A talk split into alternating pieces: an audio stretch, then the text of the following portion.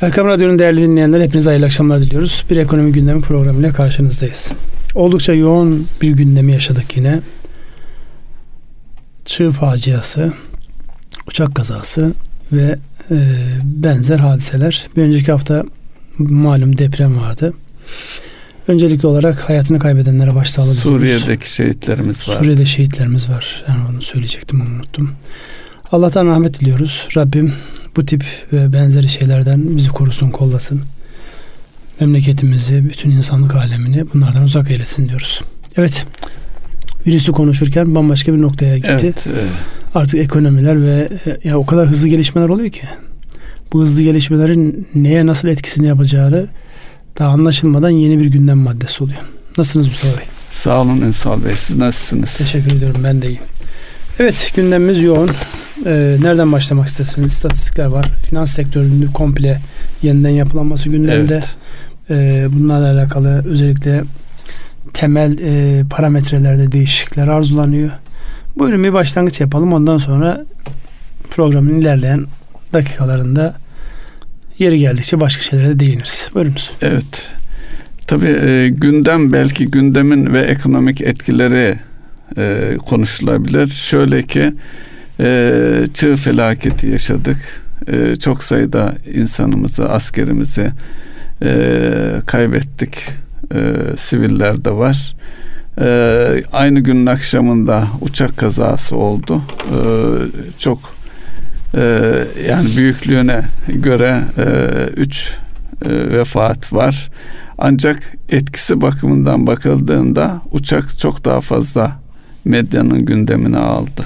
O da enteresan bir e, durum. Belki ekonomik açıdan da bakarak onu analiz ederek başlayabilir miyiz Ünsal Bey? Evet başlayabiliriz. Şimdi burada tabii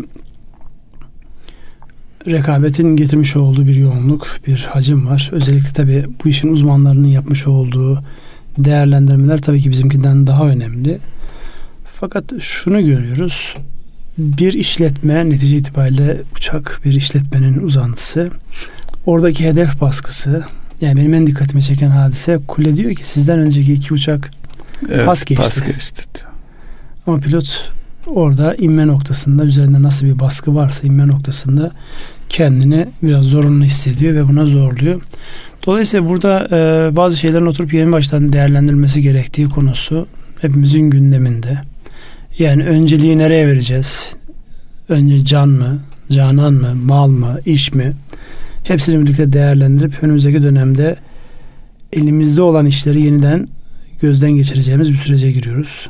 Zaten sürekli bu gündemde de dolayısıyla insanlar bir an bir tedirgin oldular. Bir de Sabiha Gökçen'de çok kısa e, aralıklarla ikinci kaza ve etkisi çok uzun sürüyor yani. Bu tabii ki yani bir uçak üç parçaya ayrılmıştı. Bunun etkisinin uzun sürmesi normal.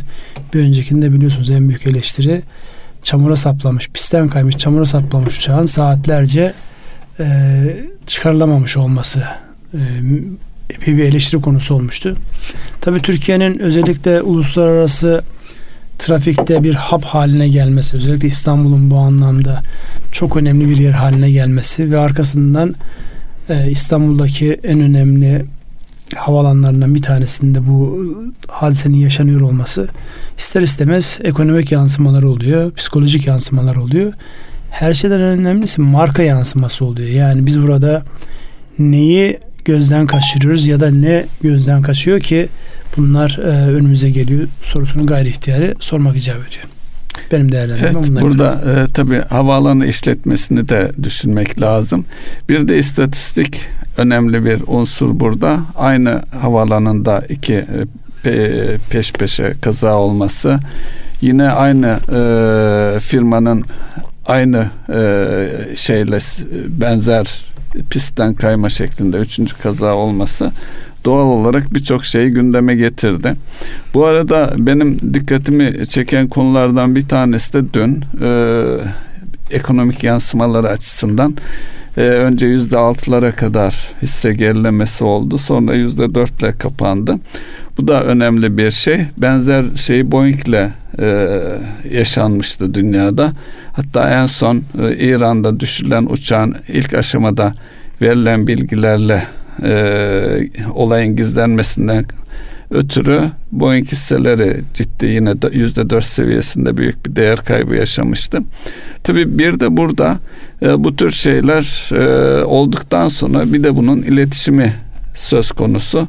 Özellikle e, genel müdürünün çıkıp konuşması ve soru almaması dolayısıyla marka bilinirliği, markanın korunması, markanın değer açısından da e, olumlu mu sonuç verdi, olumsuz mu sonuç verdi? Bu da iletişim açısından tartışılıyor. Bence biraz sanki e, iyi yönetilemedi diye düşünüyorum. O da dün bir iletişimci arkadaş da tam tersini söylüyor.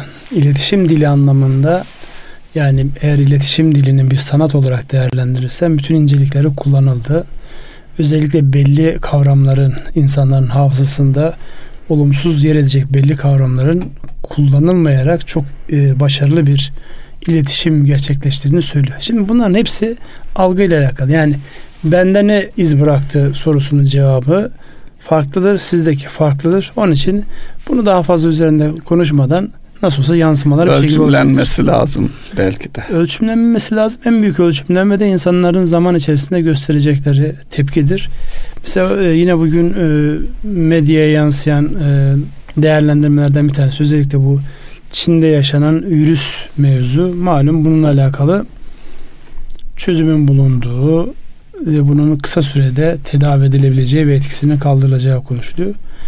Fakat algısı o kadar kolay kalkmıyor. İzi o kadar kolay kalkmıyor. Yani şu an farklı ülkelere giden insanların yani önümüzdeki hafta mesela e, Fransa'ya tekstil fuarına gidecek olan insanların yana yakılı her tarafta masker adını da duyuyoruz, şahit oluyoruz. Hatta arkadaşlar söylüyor ya istediğim nitelikte işte maske bulamadım. Evet. Şimdi bunların etkisi kolay geç, geçmiyor. Onun için evet iletişimi birileri tarafından başarılı bulunabilir, birileri tarafından başarısız bulunabilir. Önemli olan o yansımanın hafızalara ne bıraktığı. O da bugün görülecek bir mevzu değil. İlerleyen zamanda onu göreceğiz hep beraber. Yine virüsle ilgili yansımalar bir İngiltere'de bir de Çin'de iki üniversitenin e, ilaç veya tedaviye ilişkin gelişme e, kat ettiğini ifade etmesi birçok şeyi e, en azından virüsteki olumsuzu yat, e, durağına e, çevirdi. Bu arada şey haberleri de geliyor e, patent başvuruları o patent başvuruları da ekonomik hem ekonomik açıdan bir anlam ifade ediyor hem de e, iç, işin iletişim tarafında yapılan e, çalışmaların bir unsuru da diyebilir miyiz bilmiyorum. Zaman yani içerisinde diyebiliriz orada e, önemli olan işte e, birkaç tane şey öne çıktı. Bir tanesi bu e, Wuhan kentinde yapılan hastanenin yapılma hızı. Evet. O, o da çok şu enteresan. Evet. Hızlandırmış videolarla e, gösteriliyor. Yani 10 günde 15 günde ortaya devasa bir 10 bin kişilik bir hastane çıkarıyorsunuz. Bu da e, teknolojinin ve insanlığın geldiği noktayı gösteriyor. Yani problem de çok hızlı çıkıyor. Onu tedavi etmek için ortaya konacak çözümler de çok hızlı çıkıyor. Şimdi e, söylemiş olduğunuz virüse karşı tedbir ya da tedavi anlamında dünyanın her tarafında çıkıyor. Türkiye'de de bilim adamları açıklama yaptılar. Biz de bu anlamda e, bir ürün geliştirdik.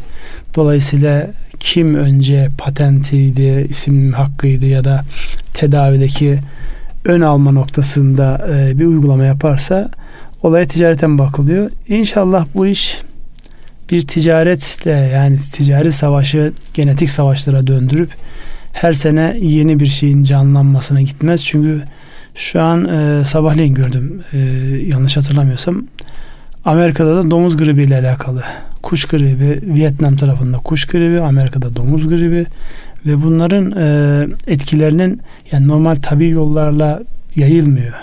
Farklı bir şey var burada. Dolayısıyla bunlara bundan sonraki süreçte çok sıkça rastlayacağız. Allah yardımcımız olsun. Evet, e, virüsün e, ekonomik açıdan yine petrol fiyatlarına etkisi var. Bu bizim işimize gelen bir sonuçta doğurdu. Petrol fiyatları geri geldi. Gerçi sanki biraz toparlama var gibi. E, OPEC'i de rahatsız eden bir e, süreç bu. Ee, bununla ilgili başka neler söylenebilir? Her bahane değerlendirilecektir. Özellikle mesela bu petrol fiyatıyla alakalı virüs bahanesiyle fiyatlar aşağı gelince insanlar petrol satmak istemiyorlar gibi bir görüntü çıktı. Orada mesela e, petrol satma konusunda en iştahlı olan ülkelerin başında Rusya geliyor. Sebebi de şu. Hangi bahaneyle olursa olsun petrol satmaktan imtina ettikleri ve pazar kaybettikleri yeri Amerikalılara kaptırıyorlar. Evet. Dolayısıyla Amerikalıların bu kaya gazı ya da işte kaya petrolü, kaya petrolü e, teknolojisiyle şu an dünyanın en büyük ihracatçı konumuna gelmiş olması e, bir taraftan işte dünyanın bir tarafı işte ölümlerle, virüslerle korkup fiyatlar aşağı gelirken öbür taraftan arkadan işte müşteri kim kapacak e, sorusunun cevabı. Bu e, ilginç yani izlenmesi gereken ilginç bir hadise. Olay dönüyor dolaşıyor. Ekonomiye bir şekilde dayanıyor. Şu an e, 55 dolarlar seviyesinde Brent petrolün fiyatı. Yani daha önce nerelere gördü? İşte 52-53 dolarlara kadar geriledi bu. Yani e, gün içerisinde şöyle bir aylık grafiğe de bir bakayım.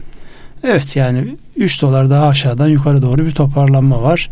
Ama sizin söylediğiniz anlamda bir toparlanma değil çünkü 65 dolarlardan buraya geldi. Evet. Yani önümüzdeki günlerde gelişmelerde burada kendini gösterecek. Fakat bu virüsten bağımsız olarak bir de petrol üretenlerin fosil yakıtın bir de dünyadaki geleceği de düşünüldüğünde diğer alternatif enerji üretimleriyle birlikte düşünüldüğünde fosil yakıttaki yani son tango diyebileceğimiz son danslar, son savaşlar, son rantlar diyebileceğimiz bir döneme de giriyoruz aslında.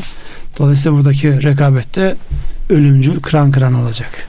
Evet. Teknoloji değiştiğinde fosil yakıtlar artık araçlarda kullanılmamaya başlayınca ve diğer alanlarda kullanılmamaya başlayınca otomatik olarak buranın cazibesi yok olacak. Gitmeden önce doldurabildikleri kadar insanlar küplerini doldurmaya çalışacaklar burada. Evet. Ee, Birçok ülkede şimdiden özellikle dizel araçlar için belirlenmiş tarihler var. Son e, tarih şeklinde yani şehirlere dizel araçlar giremeyecek. İkinci dizel araçları antika evet, olarak müzelere mi kaldıracaklar? E, tabii onlar e, artık e, hurdaya çıkacaktır büyük bir ihtimalle. Ee, tabii elektrikli araçlarda birçok şeyi değiştirmiş durumda. Ee, gelecekte belki umulandan daha kısa süre içerisinde de bir dönüşüm gerçekleşebilir. Bunu da küresel markalar yapacaktır diye düşünüyorum. Küresel markaların dışında yani şu an hiç hesapta olmayan e, sektörlerden insanlar da gelip burada iş yapabilirler. Hatırlayın. Sony'nin yapmış olduğu lansman. Herkes telefon beklerken ya da oyun konsolu beklerken e, elektrikli araç e, lansmanı yaptılar. Dolayısıyla yani çok sürpriz yerlerden sürpriz isimler e, evet. bu alana yatırım yapabilirler. Tabi trendi yakalayabilmek başka bir şey. Yani trendi yakalamak, trendi belirlemek insanlara sadece bir ürün değil işte zaten ürün ifadesi kullanılmıyor biliyorsunuz. Değer ifadesi kullanılıyor. Evet. Bir yaşam tarzı sunabilme hadisesi önümüzdeki dönemde e, çok da hızlı değişecek. Yani insanların bir şeyden vazgeçip başka bir şeyi tercih ediyor olmaları e, düne göre belki işte bu işin sosyolojisinde çalışanları, psikolojisinde çalışanları daha fazla emek sarf etmelerine sebep olacak. Onu Allah ömür verirse hep beraber izleyeceğiz, gözleyeceğiz. Ünsal Bey bir de bu e, söylediğiniz şeyden hareket ederek e, şirketler veya holdingler belli sektörlerden belli üretim e, alışkanlıklarını bırakıp yeni bir şeye çok hızlı geçebiliyorlar. Bu da belki e, Batı ülkelerinde çok yaygın bir konuydu. Belki bizim ülkemizde de e, yaygınlaşacaktır. Yani babadan aile şirketlerini düşünürsek babadan devralınan işlerin bir süre sonra terk edip yeni işlere geçmek gibi bir zarureti doğuracağını görebiliriz. Bunun örnekleri de var. Bu geçti bu hafta içerisinde e, holdinglerimizden bir tanesi e, restoran işini bırakıp satıp çıktı. Bu da e, yıllarca e, çalıştığı, faaliyet gösterdiği bir alandı.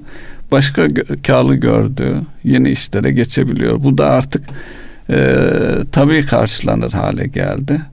E, belki biz ülke olarak e, bu konuda da e, işletmeler açısından düşünürsek hem ürün çeşitliliği, yeni sektörler, yeni işler konusunda biraz daha cesur ve e, stratejik kararlar alınabilecek, alınması gerekli bir süreç diyebiliriz. Hele hele bu dönüşüm dönemlerinde. Şimdi burada e, tabii dünya çok farklı bir tarafa doğru evriliyor. Özellikle bu yeni ekonomi diyebileceğimiz dün olmayan bugün insanların ihtiyaçlarından ortaya çıkan ya da ortaya çıkıp insanlara yeni ihtiyaç icat eden diyelim. Çünkü bazen arz talebi bazen de talep arzı oluşturuyor. Özellikle bu teknoloji bağlantılı ve insanın yaşamını kolaylaştıran yeni unsurlarda daha önceden var olmayan yeni ekonomi çıkıyor ortaya. Yeni ekonomi hem bizde hem dünyada farklı e, alışkanlıklar da ortaya çıkarıyor. Özellikle son dönemde teknoloji bağlantılı olarak finansman tekniklerinde de çok ciddi değişiklikler oldu. Mesela Türkiye'nin dünyada özellikle oyun teknolojilerinde bildiğimiz şu hani çocuklar oynuyor diye evet. kızdığımız oyun teknolojisinde Türkiye çok önemli bir e, üretici firma konumunda şu an. Yani genç yeteneklerimiz e, oyun yazma konusunda dünyadaki rakiplerinden geri değiller artık. Milyar dolarlık oyun şirketler ortaya çıktı. Şimdi diyeceksiniz milyar dolarlık olduğunu nereden anlıyorsunuz? Bunlar milyar dolarlar alınıp satılıyorlar artık. Yani sizin geleneksel klasik bir sanayi kuruluşunuza 20, 30, 40, 50 milyon dolar bulamazken yani tamamen ve 20-30 yıllık emekler varken hatta 50 yıllık 60 evet. yıllık emekler varken bir sene önce çıkmış şirketin milyar dolara vurmuş olması bu hepimize tekrar dünyanın farklı bir noktaya evrildiğini gösteriyor. Tabii şuradan şu anlam çıkmamalı. E, en ürktüğüm, en korktuğum yan orası. İnsanların böyle kulaktan duyma mışlarla hareket ederek bilmedikleri alanlara işte bir de bu e, hep ne hikmetse pozitif hikayeler anlatılır. Yani işte bir icat. İcadın son merhalesi anlatılıyor. Halbuki ondan önce işte 10 bin tane denemesi var. 10 bin tane e, hani ne derler boşa gitmiş denemesi Ünsal var. Bey az önce söylediğiniz 8 e, günde e, bin yataklı fabrika şeyin hastanenin kurulması öncesinde o yeteneği kazanabilmek için acaba kaç yıl çalıştılar? İşte kaç yıl çalıştılar o kısım yani önümüzdeki dönemde hep beraber yani bir farklı bir boyut yani şimdi evet.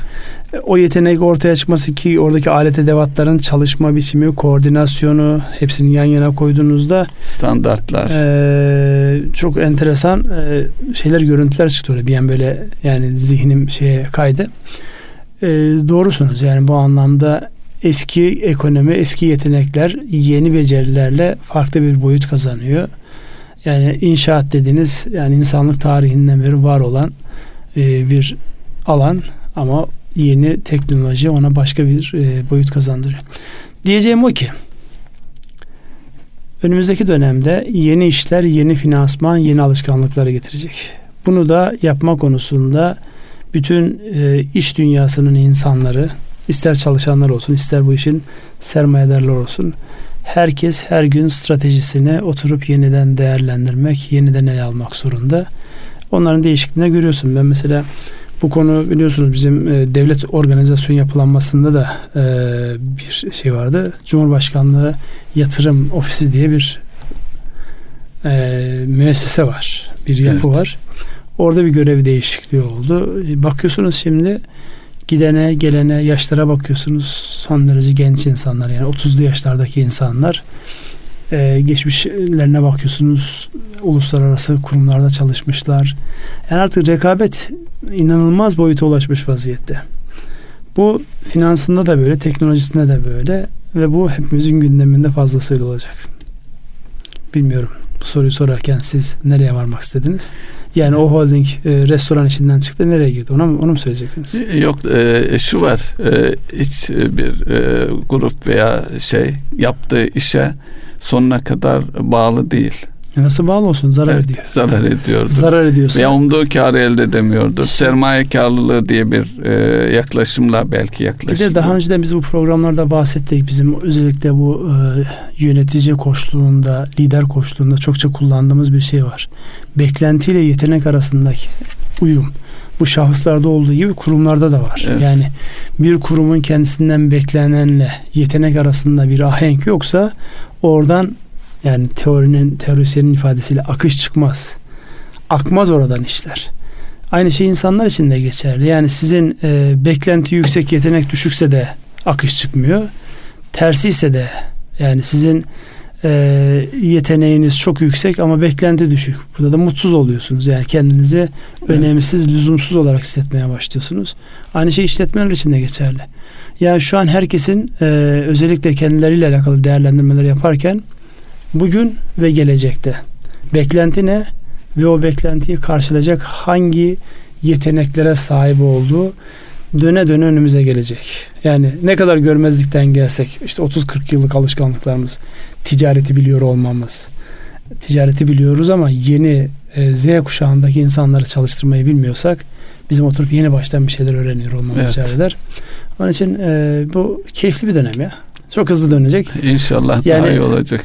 Bilmiyorum e, siz oynar mıydınız? Böyle eskiden e, bir kişinin boşta bulunduğu köşe kapmaca oynanır. Ha, evet. Yani yer değiştirirken birisine kaptırmayacaksınız. E, bir yer boş yer bulacaksın. Boş yer bulacaksın. Şu an o çok hızlandı. Evet.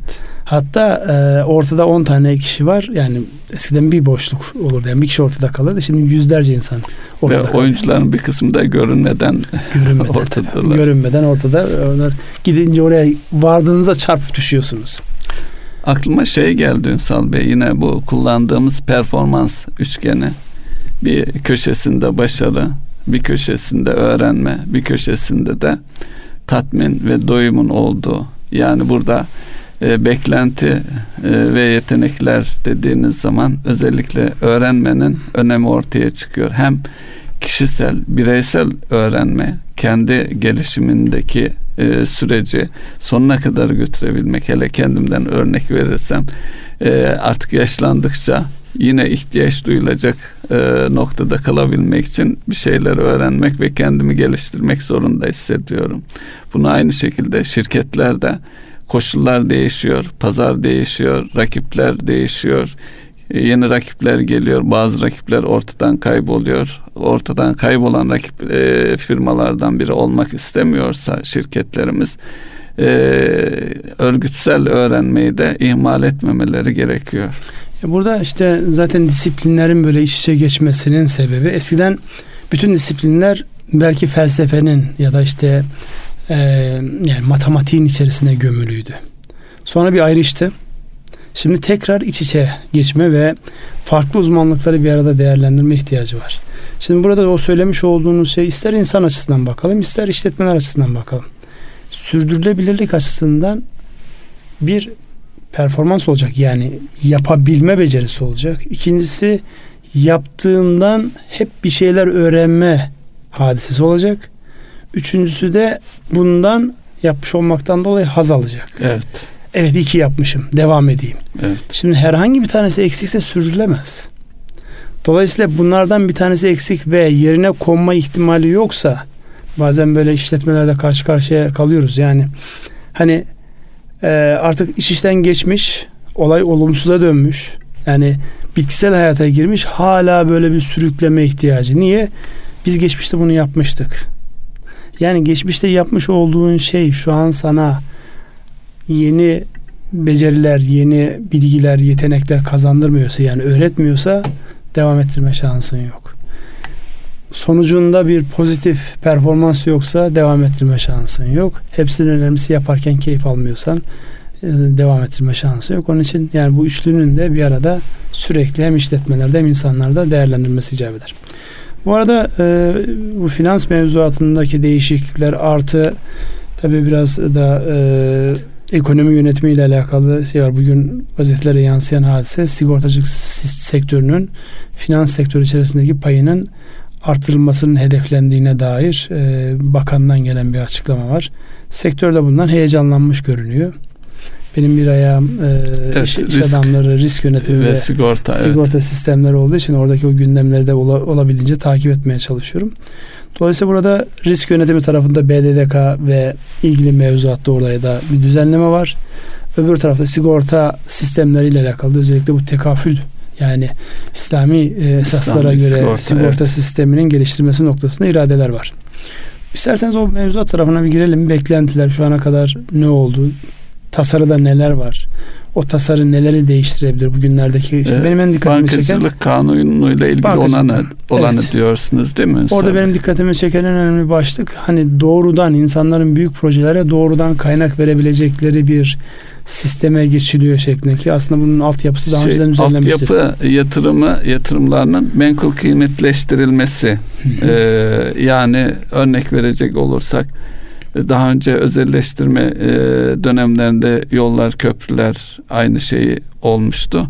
Yine e, burada da büyük yatırımlar hem mevcut hem de e, belki bu varlık fonu bünyesinde de hatırlarsanız varlık fonunun da doğrudan yatırım yapmasıyla ilgili bir düzenleme olmuştu. Belki hepsini bir değerlendirmek ve büyük yatırımlarında kitlesel finansman yöntemi de diyebiliriz buna bir yolla e, kaynak toplanması ve yatırımların bir an bir an evvel hızlıca yapılmasını en azından finansman sorunlarının çözümlenmesini hedefleyen bir yaklaşım. Şu boyutu da var Ünsal Bey. Şimdi e, özellikle son dönemde ülkemizde yat, yapılan büyük yatırımlar yurt dışı finansman yerine e, yerli bankalarımız tarafından finanse edildi. Bunlar da değil, bütün zaman boyunca hep böyle oldu. Bankalar borçlandı. Bankalar borçlandı. Dolayısıyla, Arada bankalar var. Çünkü bizdeki e, özellikle mevzuattan kaynaklanan riski yani vakti zamanda bankacılık yaptığımız dönemde yurt dışı bankalar niye doğrudan fonlama yapmıyorsunuz dediğimizde ya da niye yapmak istemediklerinde en önemli şey Türkiye'deki mevzuat e, çetrefilliği ile uğraşmak istemiyorlar. Dolayısıyla araya bir finansal Hı. aynı dili konuşabilecekleri e, iş terse gittiği zaman bir uluslararası şey, tahkime götürebilecekleri kurumsal yapıları tercih ediyorlar. Onun için yani daha öncekinin devam aslında yeni bir şey değil bu. Evet e, ama burada şu da var. Şimdi e, ba, tabi bunlar uzun vadeli yatırımlar tabiatıyla ve uzun vadeli yatırımların şu andaki son dönemdeki finans sektörümüzün yapısını dikkate alırsak kaynaklar kısa vadeli, krediler uzun vadeli. En azından bunlar menkulleştirilebildiği takdirde e, bankalar uzun vadeli e, krediler ve verdikleri kaynakları kendilerine döndürüp kısa vadede çevirme imkanlarına sahip olacaklar. Bir boyutu da bu avantaj oluşturan özellikle finansal kuruluşlar açısından e, dikkat çeken yönü bu. E, şey açısından e, yatırım yapacak yatırımcılar açısından da e, büyük yatırımlara kendi güçleri nispetinde ortak olma ve oradan gelir elde etme imkanı sağlıyor olacaklar. Bu da yatırımcılar yatırımcı tarafındaki bir gelişme olarak dikkate alabiliriz. Özellikle de TL kaynakların e, reel getiri sağlamasına yönelik bir adım da olabilir bu. E, o, ne dersiniz Ünsal Bey? Ya burada tabii e, şeyde geniş kitlelerin e, istatistiklerden bir tanesi de e, yayınlanan belki ona da değinebiliriz. Finansal yatırım araçlarının son bir yıldaki getirilerine e, bakıldığında bu da bir e, fırsat olarak bir yeni ürün olarak ortada daha fazla pay alabilir. Ya şimdi burada tabii en temel belirsizlik enflasyonla alakalı olan belirsizlik. Yani şimdi finansal yatırım araçlarının getirisinin negatif olması neye göre değerlendiriliyor? Enflasyona. Evet. Şimdi baktığınızda e, enflasyonun gelecekte kaç olacağına dair öngörülerin tutma yüzdesini e, geçmiş döneme bakılırsa e, yatırımcı ona göre karar Dolayısıyla yani bu cazip olur mu olmaz mı noktası öncelikli olarak yani proje, önerilen süre, oradan insanların nasıl çıkacağı ile alakalı o onların netleşmesi. Burada asıl olan şu. Bizdeki e, temel özellikle hem e, buna katılım bankacılığı daha uygun biliyorsunuz. Katılım bankacılığının tek fonlama tekniği peşin al vadeli sat değil. Halbuki o çok da istenen bir teknik de değil. Fakat %90'ı 95'i orada dönüyor. Arzulanan neydi? İşte insanların işe yatırım yapması. Vadeyi bir havuzda işte 30 günlük, 60 günlük, 90 günlük değil. O işin vadesi neyi gerektiriyorsa o kadar vadeli olarak bağlama. İki gerekçeyle olmuyordu. Bir enflasyonun yüksek olması sebebiyle insanlar o kadar uzun vadeli kaynak bir yere bağlamak istemiyorlar. Ani gelişmelerden faydalanmak istiyorlar. İkincisi de Özellikle bu projelerin insanlara tanıtımı anlatılmasında kurumsal bir yapı yoktu. Şimdi bundan sonraki süreçte özellikle bu menkulleştirme dediğimiz yani menkulleştirme dünyada çok farklı işleyen bir mekanizma. Biz bu anlamda aslında çok geniş bir potansiyele sahibiz. Ben bunu ilk e, yıllar öncesinde e, Türkiye'de e, maden işi yapan Kanadalılarla ortak bir işi yaparken fark ettiğim bir başlıktı. Türkiye'de bir madenin sahasının ruhsatlar alınmış. Rezerv çalışması yapılmış. Uluslararası bir şirket taraftan rezervin en azından yani belli boyutta olacağı belgelenmiş. Süreç tamamlandığında bunu nasıl fonlayacaksınız dediğimizde bizdeki klasik cevap şudur. İşte bankaya gideceğiz. Başka Kredi teminatları göstereceğiz. Evet. Bunlarla alakalı eğer banka ikna edebilirsek e, bir kaynak sağlanabilir ama oradaki kaynak daha çok işin sahibine, patronun kefalet imzasına göre verilirdi. Siz nasıl yapıyorsunuz dedim. Bambaşka bir şey anlattılar. Bu dediğim 15 sene önceki hadise yani yeni bir hadise değil. Demek ki ondan kaç sene önce de uygulanıyor. Biz bu rezerveleri tespit ettikten sonra, uluslararası sertifikasyondan geçirdikten sonra sıfırdan borsada halka arz edeceğiz bu hisse senetlerini. Dolayısıyla insanlar daha madenin başında en tepede insanlar karşılarına gelen bir şirkete ortak olup o şirketin ürettiği işte karlılığa, verime, gerçek kar zarar anlamındaki verime ortak olmak gibi bir şey var. O zaman böyle vay be dedirtmişti bana. Şimdi bunların yolun açılması icap eder. Yani bizde özellikle bir taraftan evet e, değişen şartlarda gelir dağılımındaki o şeyi dikkat çekici bir şekilde etkileniyor. Ama bir taraftan da inanılmaz kaynaklar var birilerinde. O kaynakların doğru yere gidebilmesi için doğru enstrümanların bulunması gerekiyor. Bu dönem belki onların geliştirileceği bir dönem olur. Belki ülkemize sıcak para gelmesini pek istemiyoruz. belki bu, bu yöntem e, yabancı yatırımlar çekmek için de e, daha etkili olabilir. Olabilir. Yani bugün yine e, bugün müydü, dün müydü tam hatırlamıyorum. E, Uluslararası yabancı sermayedarlarla ilgilenen bir derneğin başkan hanımefendinin bir açıklaması vardı. Yabancıların ilgisi artıyor. 2020 yabancı yatırımlarının hızlanacağı bir yıl olacak. E, bunlar enteresan e, başlıklar. Yani başka haberler de var. Mesela Hindistan'daki bir fuarda billboardlarda Türk helikopterinin, Türk Atak helikopterinin reklamının yapılması Hindistan'da krize sebep olmuş. Çünkü o helikopterlerle alakalı biz Pakistan'a bir buçuk milyar dolarlık sipariş almışız. Nasıl olur da işte Pakistan'ın bir buçuk milyar dolarlık sipariş vermiş olduğu e, helikopteri siz fuarda lanse edersiniz diye baya bir e, ses gürültü koparmıştı. Yani. Sorun değil onlara da iki buçuk milyarlık e, satalım. Hatta onlara daha çok satalım. Evet, nüfusu daha, daha kalabalık. Tabii, onlara tabii. E, 6 milyar Nüfus dolar oranıyla e, dengeli satalım. Dolayısıyla yani e, her adımda enteresan böyle hiç ummadığınız şeyler karşınıza çıkıyor. Fırsatlar, tehditler. Bunlar havalarda uçuşuyorlar görene görürseniz yakalarsanız olur. Evet bu bankacılık mevzuatında başka neler oluyor? Onlara biraz değinir misiniz? Özellikle teminat yapısıyla alakalı bir e, başlık vardı. o da enteresan bir yapı. Ee, yurt dışında örneklerinden hareketle teminat yönetici kurumu e, adında bir kurum ihdas ediliyor. Ee, yani benim anladığım şu. E, siz bir teminatınız varsa en kolay anlatmak açısından e, gayrimenkul teminat ve ipotek ön, e, e, konuşulabilir.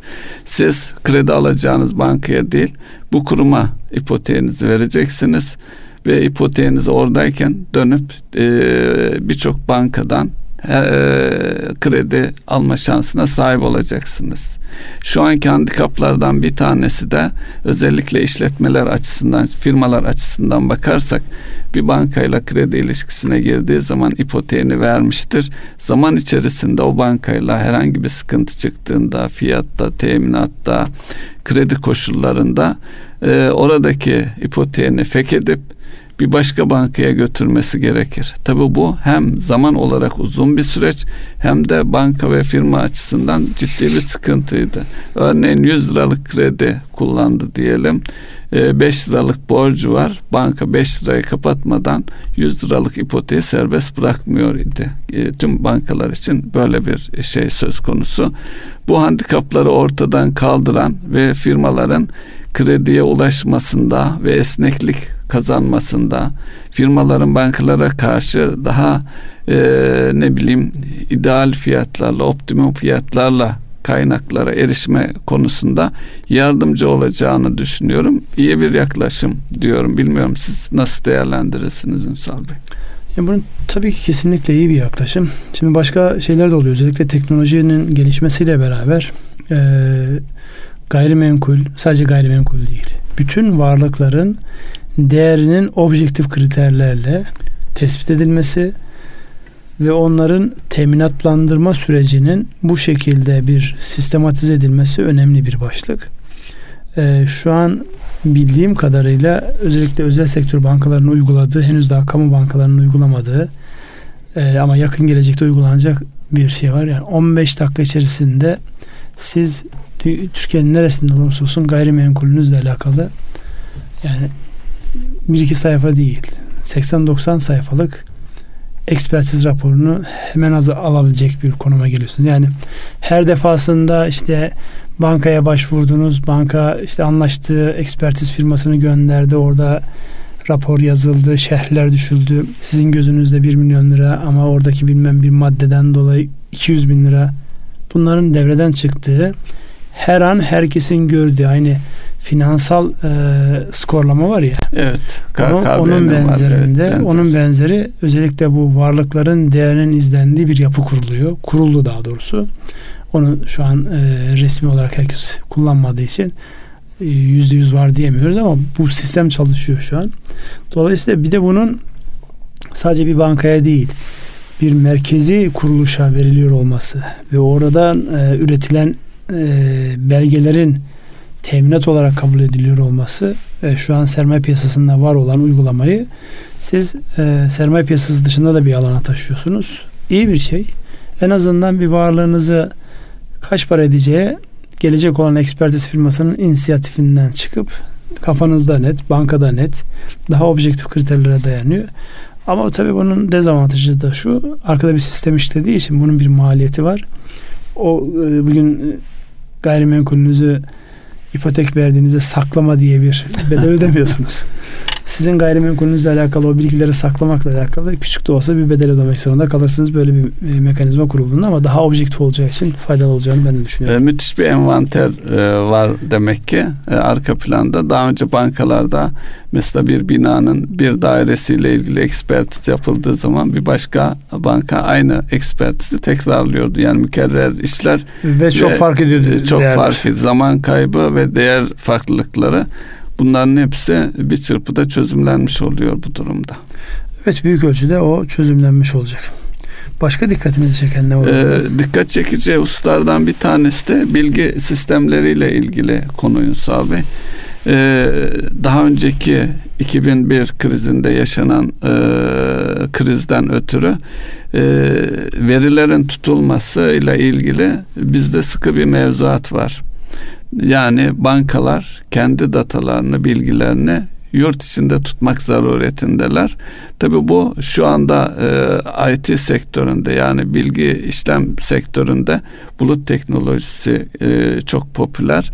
Burada bir takım fırsatlar var. Dolayısıyla e, bilginin ülke içinde tutulmasının zarureti e, bir takım gelişmelere uzak kalmak gibi bir sonuç doğuruyor idi.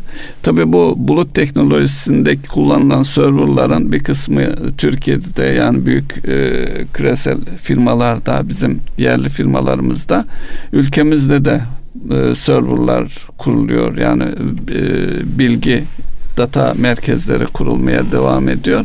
Bununla ilgili e, bu tür handikapları ortadan kaldırmak için BDDK'ya bir yetki veriliyor. Bu da e, problemi çözen veya fırsatları gelişimin önünü açan bir e, karar olacak diye düşünüyorum.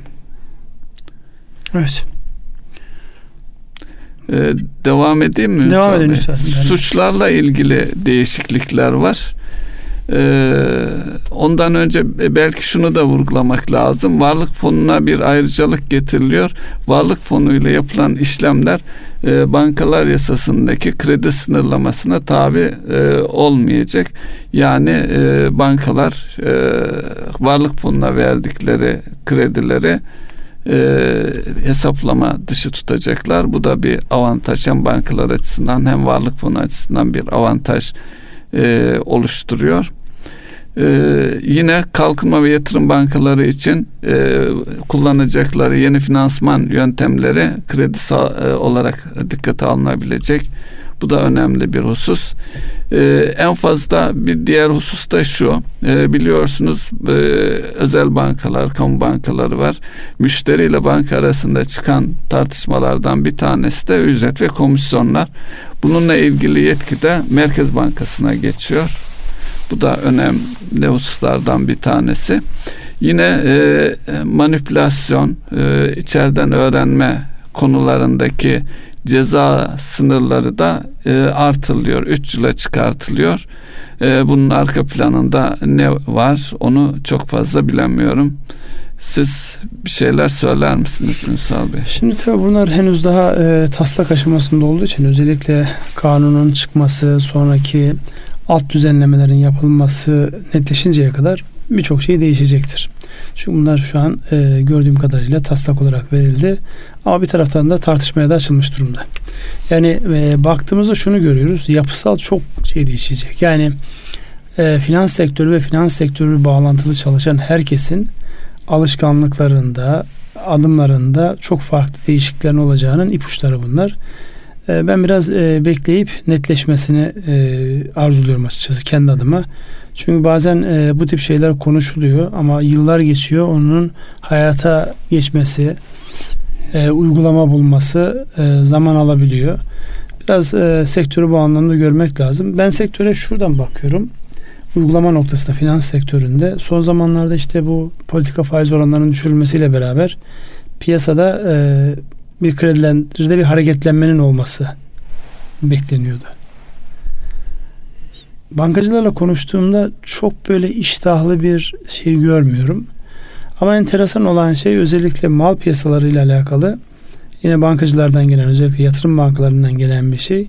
Daha önceden hiç karşılaşmadığımız kadar e, yerli yatırımcı mal piyasalarında özellikle vadeli işlemlerle kendi pozisyonlarını kapatma noktasında e, bazı adımlar atıyorlar gibi bir şey geldi. Bu benim çok dikkatimi çekti.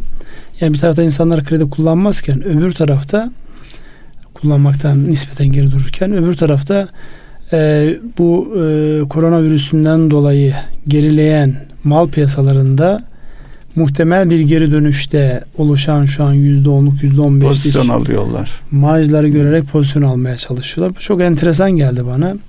İki noktada önemli bu. Bir, uluslararası piyasalarda özellikle oluşan bu mal piyasalarındaki pozisyonların farkları, farklılaşmaları lehlerine çevirebilme bilinci dikkatimi çekti. İkincisi de şu dönemde yani daha geriye gelmeyeceğine olan inançla. Şimdi şöyle bir sıkıntı oluyor olsa bunlar e, geri dönüşün güzel ipuçları aslında. Yani kendi işlerinin düzeleceğine dair bir beklentisi yoksa insanların böyle bir pozisyon alırlar mı sizce? Almazlar. Bence almazlar. Sizce de almazlar. Dolayısıyla bunlar insanların artık yani daha fazla geriye gelmez. Buradan biz kendi pozisyonumuzu yakalayalım. Nasıl olsa piyasalar açılıyor. Ona inanıyorlar. Çünkü gelen başlıklarda herkeste şu var. Acaba Çin'in bu halinden dolayı o psikolojik şeyi tabii ki onların aleyhine değil ama az önce söyledik petrol fiyatlarındaki boşlukta Amerika ile Rusya kapışıyor. Bu da bize yeni imkanlar açar mı düşüncesiyle böyle bir kapı aralanmış durumda. İnsanlar bunu değerlendiriyorlar. Onu da bir bilgi olarak aktarmış olayım. Tabii burada şunun altını çizmekte yarar var. Ma, e, mal piyasalarındaki işlemlerde işletme eğer o ürüne ihtiyacı varsa yani bakır işi yapıyorsa bakıra ilişkin tekstil işi varsa pamuğa ilişkin e, ürünler üzerinden işlem yapıyorsa diğer konular e, kendi ilgisi dışındaki ürünlerle işlem yaparsa orada bir ciddi risk almış durumda. Onun altını da çizmekte yarar var. Şimdi oradaki tabii ki risk algısı özellikle şimdi 2008 yılına tekrar geri döndüğümüzde orada hatırlar mısınız petrol fiyatları 150 dolarlara çıkmıştı. Evet. Her şey anormal ve dünya bir daha o fiyatları görmedi o fiyatlar öyle olduğu için mi kriz çıktı? Yoksa kriz çıktığı için o fiyatlar bir daha görülmedi? Orası oturup tartışılması gereken bir hadise. Ama şu bir gerçek. Söylemiş olduğunuz şeyden hareketle asli işi o ürün olmayan insanların sırf paradan para kazanmak adına dünyada olmayan ürünleri işte vadeli işlemlerde, kaldıraçlı işlemlerle, kaldıraçlı işlemlerle, sözleşmelerle, sözleşme işte türev işlemlerle sözleşmelerini çoğaltarak adı üzerinde evet. türev yani. Bir tane ürün var ondan 10 tane şey çıkarıyorsun. Onu en iyi biz nerede kontrat biliriz? çıkartıyor. Çay haşlamalarında biliriz. Çay bitmiştir. Üzerine kaynar suyu dökersiniz bir daha. İşte o da bir türev. Şimdi türev ürünlerle 10 10 e, fazlasını çıkarıyorsunuz ortaya. Onun getirmiş olduğu bir e, anormal yük vardı. Finans mühendisliği deniyor buna. Dolayısıyla şu anki benim gözlemlediğim ve benim dinlemiş olduğum, bankacılardan dinlemiş olduğum başlık böyle bir hadise değil. Bu gerçek ihtiyaca dayalı ve insanların normal şartlarda kullandıkları yani nedir orada? Alüminyum var, bakır var, e, buğday var ve pamuk var. Dolayısıyla bunlar konuştuğum insanlarla, bankacılarla muhataplar arasındaki ilişki hepsinin gerçek ilişkiye dayandı. Yani burada spekülatif bir şey yok. Ünsal Bey, Kofas ülke notumuzu C'den B'ye yükseltmiş. Önce Kofas ne onu bir söyle sonra ee, alacak sigortası yapan Fransızların evet. alacak sigortası yapan kuruluşu. Ne anlama geliyor? Ee, bu şu anlama geliyor. Ülkemizde artık e, firmaların e, alıcı borçlarına sadakatinin arttığı veya ödeme imkanlarının arttığını gösteriyor. Yani e, çekler, senetler öncesine göre daha rahat ödeniyor. E, bu onu gösteriyor. Tabii e, son gelişmelerde e, o faiz oranlarının gerilemesi de şirketler açısından borçları borçlarını borçları ödenebilir hale geldi. Onun da etkisini görmekte yarar var. Yani önümüzdeki süreçte e, hele bu yılın e, Ocak ayıyla birlikte ekonomide pozitif yönde bir hareketlenmenin başladığını ifade edebiliriz. Bu da onun göstergelerinden bir tanesi olarak hele hele yabancı bir firma olması açısından önemli diye düşünüyorum. Yani ilk terk edenler bunlar da ilk dönenler bunlarsa evet dediğiniz doğru. Bu önemli bir başlık aslında Türkiye'de yani bunun tabii firmalar tarafından çok bilinen bir unsur değil. Ama dünyada çok yaygın kullanılan bir unsur. Özellikle ticareten çok fazla tanımadığınız firmaların e, riskinin bir anlamda sigorta edilmesi, alacağınızın bu anlamda garanti edilmesi noktasında önemli bir başlık. Bu ilk e, sıkışma olduğunda yani e, Temmuz şimdi yıllar böyle geçince insan yıllara karıştı. 2018'de o Ağustos, hareketlenme evet. Temmuz Ağustos'ta o hareketlenme olduğunda ilk e, uygulamayı durduran hatta ondan önce de yavaş yavaş sinyaller başlamıştı. işte bu Kofas, Hermes, Atradius, Atradius Sace bunlar hep uluslararası yani her ülkenin kendine göre bir sigorta sistemi. Bizde de Türk Exim Bank yapıyor biliyorsunuz. Artı e, bunu yapan sigorta şirketlerimiz var. Alacak sigortası önemli bir başlık. Bir ekonominin canlanmasında önemli bir unsur. Hatta o kadar önemli ki bu tam manasıyla işlediğinde şu an dünyadan çok farklı kullanılan çeklerin yerine bu iş alabilir. Yani şu an bizim ticaretimiz biliyorsunuz ağırlıklı olarak çekler üzerinde Çekten, dönüyor. Çekle dönüyor. Onunla evet. alakalı da bir notunuzu gördüğüm için oraya da bir pas atmış olayım. Şimdi çeklerin e, yerini alabilecek bir mekanizma ve finansal bir mekanizma. Yani çeklerde siz e, şu gerginliği yaşayabiliyorsunuz. Çeki veren kişiyle alakalı çalıştığınız bankadan bir istihbarat yapmak ihtiyacı hissediyorsunuz. Burada o istihbarat yerine X firmasından alacağınız var. İşte bu az önce bahsetmiş olduğumuz kurumlardan bir tanesiyle anlaşma yapıyorsunuz. Ki genellikle bunlar kendi aralarında daha önceden bir müşteri anlaşması yaparak şu şu şu alacakları ben garanti ederim diye zaten söylüyorlar. Siz çek ya da herhangi bir evrak almak yerine o şirketin Primini imzasını alıyorsunuz. Primini ödüyorsunuz ya da öyle yapıyorsunuz ki primi karşı tarafa ödetiyorsunuz. Evet. Gücünüze bağlı. Bütün her şey pazarlığa bağlı. Bu e, işlediği zamanlar iyi işleyen bir mekanizma ama dediğim gibi uluslararası bakış açısı olduğu için birden piyasadan çekildiklerinde piyasanın bütün dengelerini Allah bullak edebiliyorlar. Piyasada çok bir anda sıkışıyor Ünsal sıkışıyor, Daha evet. önce yaşadık biliyorsunuz. Onun için çoklu mekanizmalar her zaman iyidir. Yani tek bir ürüne, tek bir finansman metodolojisinde, tek bir bankaya, tek bir finansal kuruluşa endeksli olmak her zaman beraberinde farklı sıkıntılar getirebilir. Onun için abartmadan yani 20 tane bankayla ya da 10 tane bankayla da çalışarak bütün dikkati ve bankalar nezdindeki kredibiliteyi ve verimliliği de düşürmeksizin kararınca eskilerin yemek yaparkenki söyledikleri gibi işte kararınca dedikleri o el ayarı var ya. İşte o el ayarını yakalamak icap eder. Ona göre de çalışacağınız firmaları belirlemeniz icap eder. Adını koyarsanız çeviklik mi diyorsunuz Ünsal Bey? E, çeviklik, esneklik adını e, çok farklı söyleyebilirsiniz. Hepsinden önemlisi hani ihtiyacını bilmek, neye ihtiyacının olduğunu bilmek, bir şey daha haddini bilmek. yani e, ihtiyacınız yokken birisi size hadi yaparsınız yani biz yani vakti zamanda finans sektöründe bulunmaktan dolayı bu anlamda belki biz de yaptıysak Allah affetsin. Şimdi gerçek anlamda ihtiyacı olmayan birisine ya işte elimizde kaynak var sen yaparsın deyip normalde iyi fizik İhale var gir e, mektup vereyim gir şu ihaleye. e, sabot etmeyin beni. Yani yaparsın deyip insanlara kaynağı tedarik ettiğinde o kaynağı tedarik ederek aslında adamın intiharına sebep oluyorsun.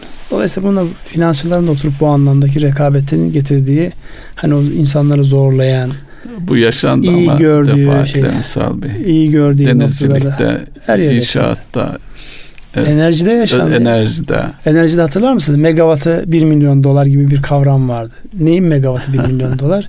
Adam telaffuz bile edemiyor. Nehir tipi hidroelektrik santral. Ben hiç 1 milyon dolara biten hiçbir proje görmedim. Megawattı 5 milyon dolara gideri gördüm ama 1 milyon dolara biteri görmedim. Dolayısıyla kulaktan dolma bilgilerle ya da e, hakim olunmayan konulardaki bilgilerle yürümemek icap ettiğini bir kere daha altını çizmiş olan. Evet zaman hızlı akıyor.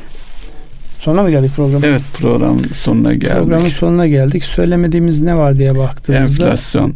Çok şey var. Enflasyona bir cümleyle isterseniz değinin ondan sonra. Ee, enflasyon beklentinin üzerinde çıktı. Ee, aylık 1.35, yıllık 12.15 ee, tüfeden bahsediyorum. Buradan e, hareketle e, içinde bulunduğumuz ayın Şubat enflasyonunda yüksek e, çıkması bekleniyor. Çünkü baz etkisi de söz konusu. Küçük bir rakam çıkıp yeni rakam girecek. E, Mart'tan itibaren e, aşağı doğru dönebilir. Tabii bu da özellikle e, reel getirilerin hesaplanması açısından bir handikap olduğunu söyleyebiliriz. Evet. Evet zamanın sonuna geldik. Biz yani ekonomiyle alakalı konuşacağımız çok başlık var. Programı açarken söylediğimiz bir şeyi bir daha söyleyelim. Şehitlerimiz var. Allah'tan rahmet diliyoruz. Vefatlar var. Çığdan, uçak kazasından. Allah bu, bu ve benzeri afatlardan, sıkıntılardan ülkemizi korusun, insanlarımızı korusun diyoruz ve ekonomi programının sonuna geliyoruz. Erkam Radyo'nun değerli dinleyenleri bir ekonomi gündem programının daha sonuna geldik. Sürçülisan eylediksek affola. Hayırlı akşamlar diliyoruz. Hayırlı akşamlar.